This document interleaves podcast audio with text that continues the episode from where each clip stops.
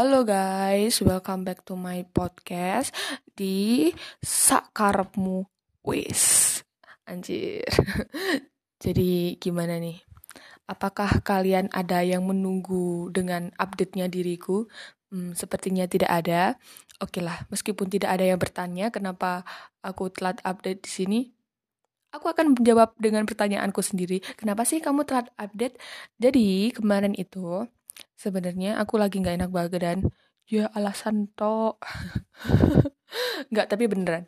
Aku ada agak nggak enak badan kena flu gitu gara-gara minum es di kondangan dan esnya itu pakai kayak manis-manis sari manis gitu loh. Apa ya bahasa bahasa Indonesia nih sari manis? Yus pokok manis-manisan nunggu loh ya itulah pokoknya. Dan aku kan nggak terlalu nggak aku nggak tawar gitu loh rek. Mbak ngono-ngono jadi ya wis lah langsung wis. Tenggorokanku loro batuk-batuk juga sampai suaraku hilang jadi nggak bisa buat record. Buat ngomong aja tuh rasanya kayak kudu batuk terus ngono loh jadi aduh gak penak banget. Pokok iki aja sih rodok-rodok gatel-gatel. Piye ngono tenggorokanku? Tapi ya wis lah aku akan berusaha semaksimal mungkin. Ah, cilah. Oke, oke, oke, oke. Jadi aku minta maaf ya buat itu semua. Kan aku udah ngelanggar janji aku yang aku bicarakan di episode kemarin yang katanya mau update seminggu dua kali. Halah, halah, halah. Alasan to, alasan to. oke, oke, oke. Jadi back to topic. Back topic. Jadi tema kita hari ini adalah ya kalian pasti udah tahu kan ya di judulnya yaitu inner child.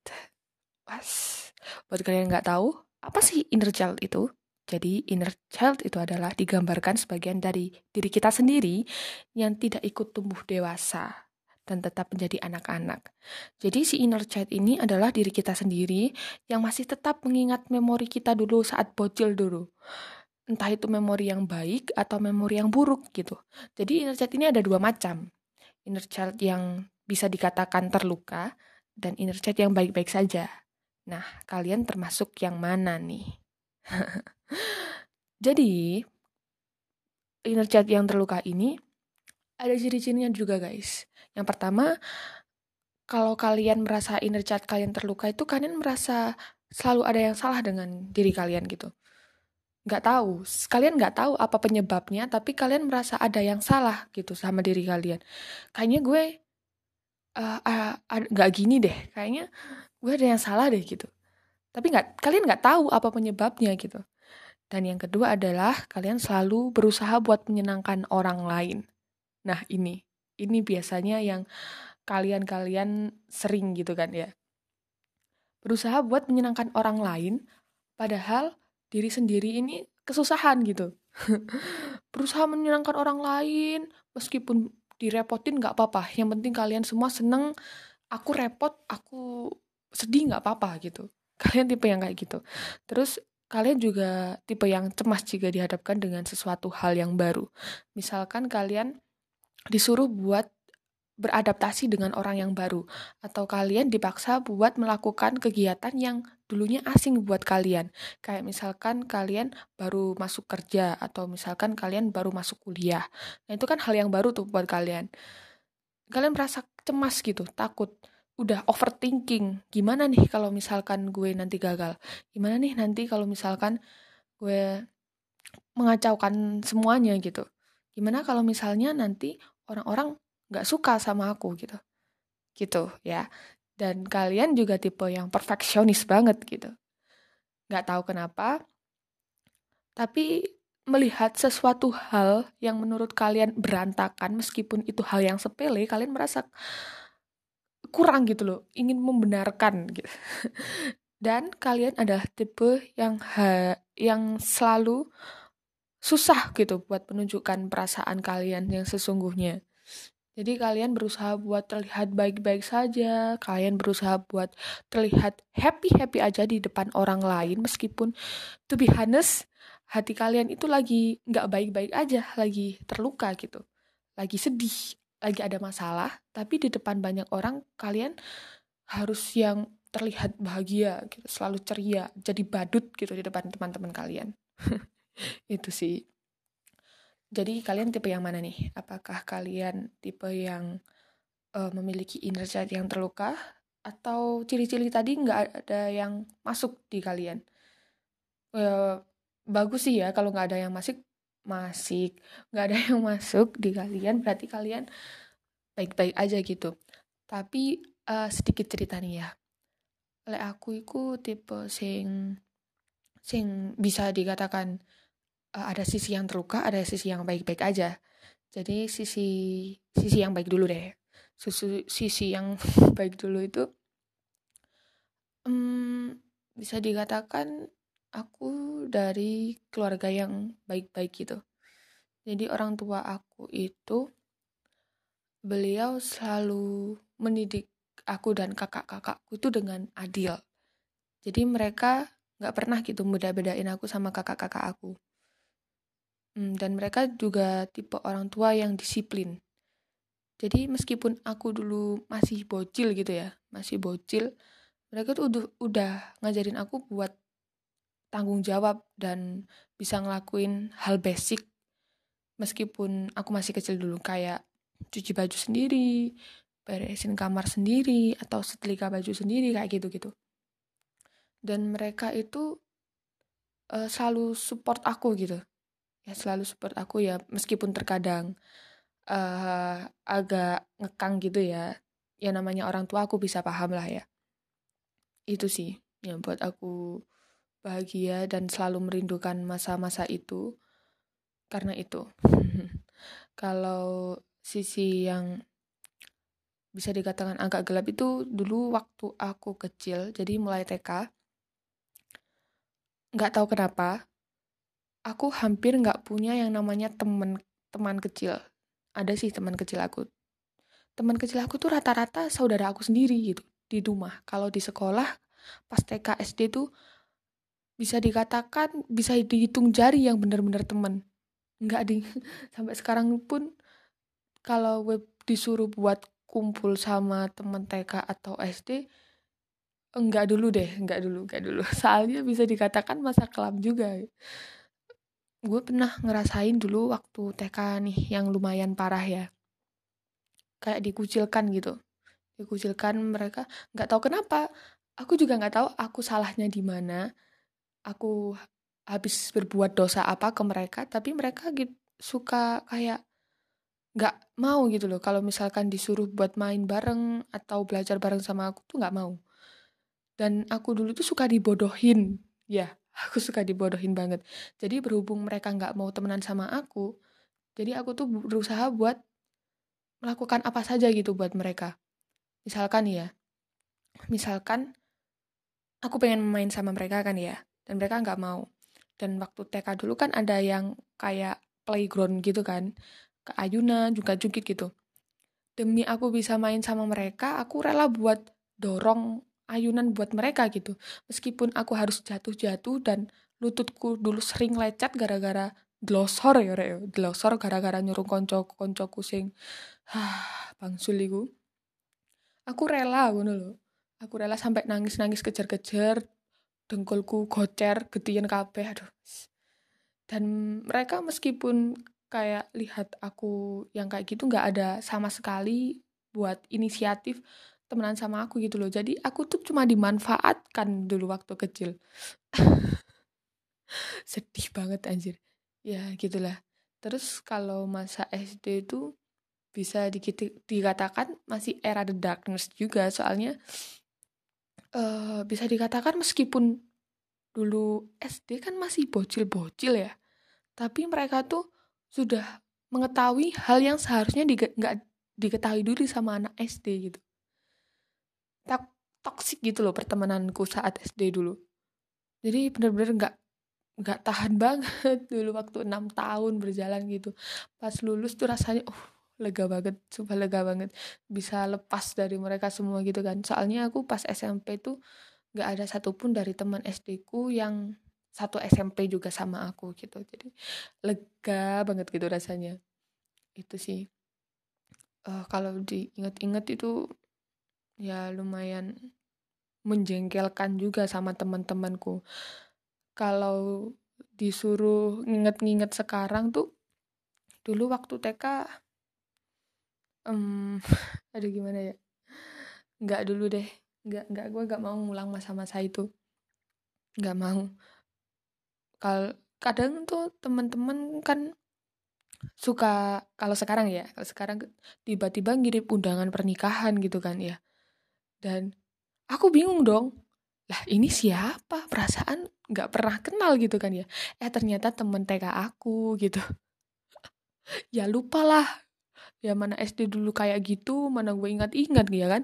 TK SD lupa gitu sama mereka. Nggak mau inget-inget lagi pokoknya. Itu deh. Sedikit cerita tentang diri aku gitu ya.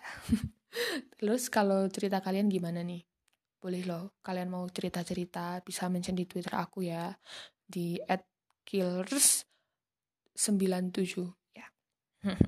Aku bakalan bacain satu-satu kalau misalkan ada ya. Terus uh, kan pasti kita butuh solusi gitu kan ya buat mengatasi inner child kita yang terluka ini. Dan kalau aku baca-baca dari artikel cara perlahan untuk mengatasi child yang terluka itu yang pertama ada memahami apa yang terjadi pada sisi anak dalam diri kita dulu. Jadi kita tuh harus memahami kalau sebenar kalau masa kita dulu itu emang sulit gitu. Emang sulit dan kita harus menerimanya yaitu dulu itu dulu berarti sekarang kita harus mulai menerima itu gitu dan yang kedua kita harus menyayangi sisi kita yang dahulu. Apa pun yang terjadi di masa lalu kita harus menyayangi dia gitu. kita harus menyayangi dia karena ya siapa lagi kalau bukan kita gitu kan ya. Terus coba dengerin deh sisi sisi inner child kalian yang terluka itu. Kalau aku pribadi sih, aku suka kayak berbicara di depan termin gitu ya. Atau enggak gitu nulis-nulis di buku catatan atau ngetik di memo HP. Kayak nulis surat kecil buat diri aku misalkan buat diri aku yang masih TK yang masih berumur sekitaran 6 tahun gitu coba berkomunikasi dengan dia kayak aku ha aku hari ini kayak gini loh aku hari ini udah bisa ngelakuin apa yang kamu pengenin dulu loh. Aku hari ini sudah baik-baik aja kok. Kamu baik-baik aja juga ya. Karena aku di sini udah berjuang banget buat bahagiain kamu buat mencapai apa yang kamu cita-citakan dulu kayak gitu. Aku sering banget sih komunikasi kayak gitu. Dan itu bener-bener kita tuh merasa kayak nggak sendiri gitu. Jadi kita berbicara dengan diri kita waktu kecil dulu seakan dia ada di depan kita seakan dia bener-bener nyata gitu di depan kita dan itu salah satu obat juga buat ngulihin luka dan buat motivasi kita juga di masa sekarang. Kalau misalkan kalian uh, masih terombang-ambing dengan dengan uh, apa yang sebenarnya tujuan hidup kalian atau apa sebenarnya diri kalian, kalian bisa banget berkomunikasi sama inner child kalian. Kayak tanya gitu ke ke diri dia. Uh, gimana kalau misalkan kamu lihat aku yang sekarang, apakah kamu bakalan kecewa lihat diriku yang sekarang karena nggak sesuai ekspektasi dulu waktu kamu kecil atau kamu bakalan bangga ngelihat aku yang sekarang gitu di umur kan aku 21 tahun nih aku berkomunikasi dengan diriku yang dulu berumur 6 tahun gimana kamu puas nggak lihat aku yang berumur 21 tahun ini pasti kecewa ya lihat aku yang 21 tahun ini karena gak sesuai ekspektasi dulu. Gak sesuai sama yang kamu harapkan, kamu cita-citakan dulu saat itu. Maaf banget ya, karena udah kecewain kamu. Dan gak apa-apa kan kalau misalkan aku melakukan sedikit kegagalan, tapi aku bakalan janji kok, bakalan berusaha sekuat mungkin buat bisa buat kamu bahagia, buat kamu bisa uh, bangga dengan diri aku di masa depan gitu agak deep sini ya tapi itu bener-bener lega banget guys bener-bener lega banget kalian bisa berkomunikasi dengan inner child kalian. Jadi kalian harus coba ya. Sekali-kali pun nggak apa-apa gitu. E, rangkul dia gitu. Kalau misalkan kamu ingin hibur dia ya bilang ke dia. Nggak apa-apa meskipun apa pun yang terjadi di masa lalu meskipun e, masa lalu bu kita itu bukan masa lalu yang baik tapi kamu udah berusaha sekeras mungkin. Kamu bisa bertahan sampai sekarang itu udah hal yang hebat gitu. Gak semua orang bisa capai titik yang kamu tuju. Dan kamu harus bangga you deserve it. Gimana sih? Ya betul kan? Hmm, gitu guys. Jadi aku harap kalian bisa mengobati diri kalian dengan salah satu cara ini ya. Recommended banget sih.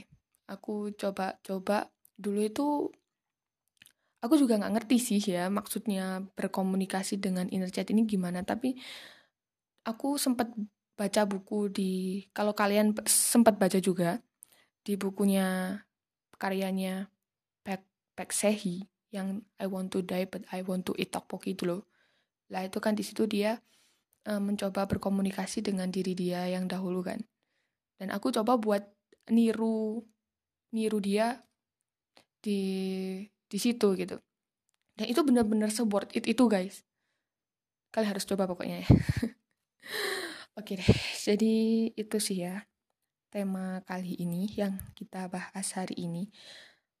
Hmm, aku harap kalian enjoy ya nikmatin perbacotanku kali ini yang masih agak-agak gagap, masih agak-agak mikir karena emang masih bingung, masih belajar juga. Aku mohon maaf banget ya, mohon maaf banget.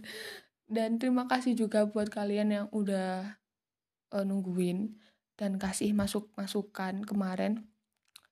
Makasih banget guys, makasih banget. Hmm, next episode aku juga akan bawain materi yang gak kalah seru juga, yang gak kalah seru buat kita bahas bareng-bareng gitu. Oke, kita tutup dulu ya scan kali ini. Oke okay guys, segitu dulu ya untuk segmen hari ini. Semoga kalian bisa enjoy semuanya dan semoga bisa bermanfaat juga ya. Kita bisa sharing-sharing juga. Dan kalau misalkan kalian ada masukan atau kritik, saran apa pun itu, kalau misalkan kalian pengen request untuk tema selanjutnya, boleh banget kalian uh, uh, langsung tweet di Twitter aku ya, mention aku di @killers97 at k i l l r s 97. Oke, aku tunggu ya semuanya dari kalian. Um, terima kasih banyak karena udah mau mendengarkan bacotan aku yang masih hidup ini ya. Semoga kalian bisa terus bersama aku terus. Oke, terima kasih banyak guys.